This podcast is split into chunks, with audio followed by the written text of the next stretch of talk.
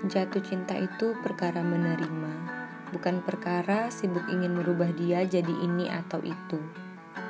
Kamu tidak akan bisa merubah seseorang jika diri dia sendiri pun tidak menginginkan perubahan, karena setiap perubahan adalah tugas kita masing-masing. Ketulusanmu itu dinilai dari kamu menerimanya dengan hati, bukan hanya dari apa yang kamu lihat dan kamu dengar, karena konsekuensi dari jatuh cinta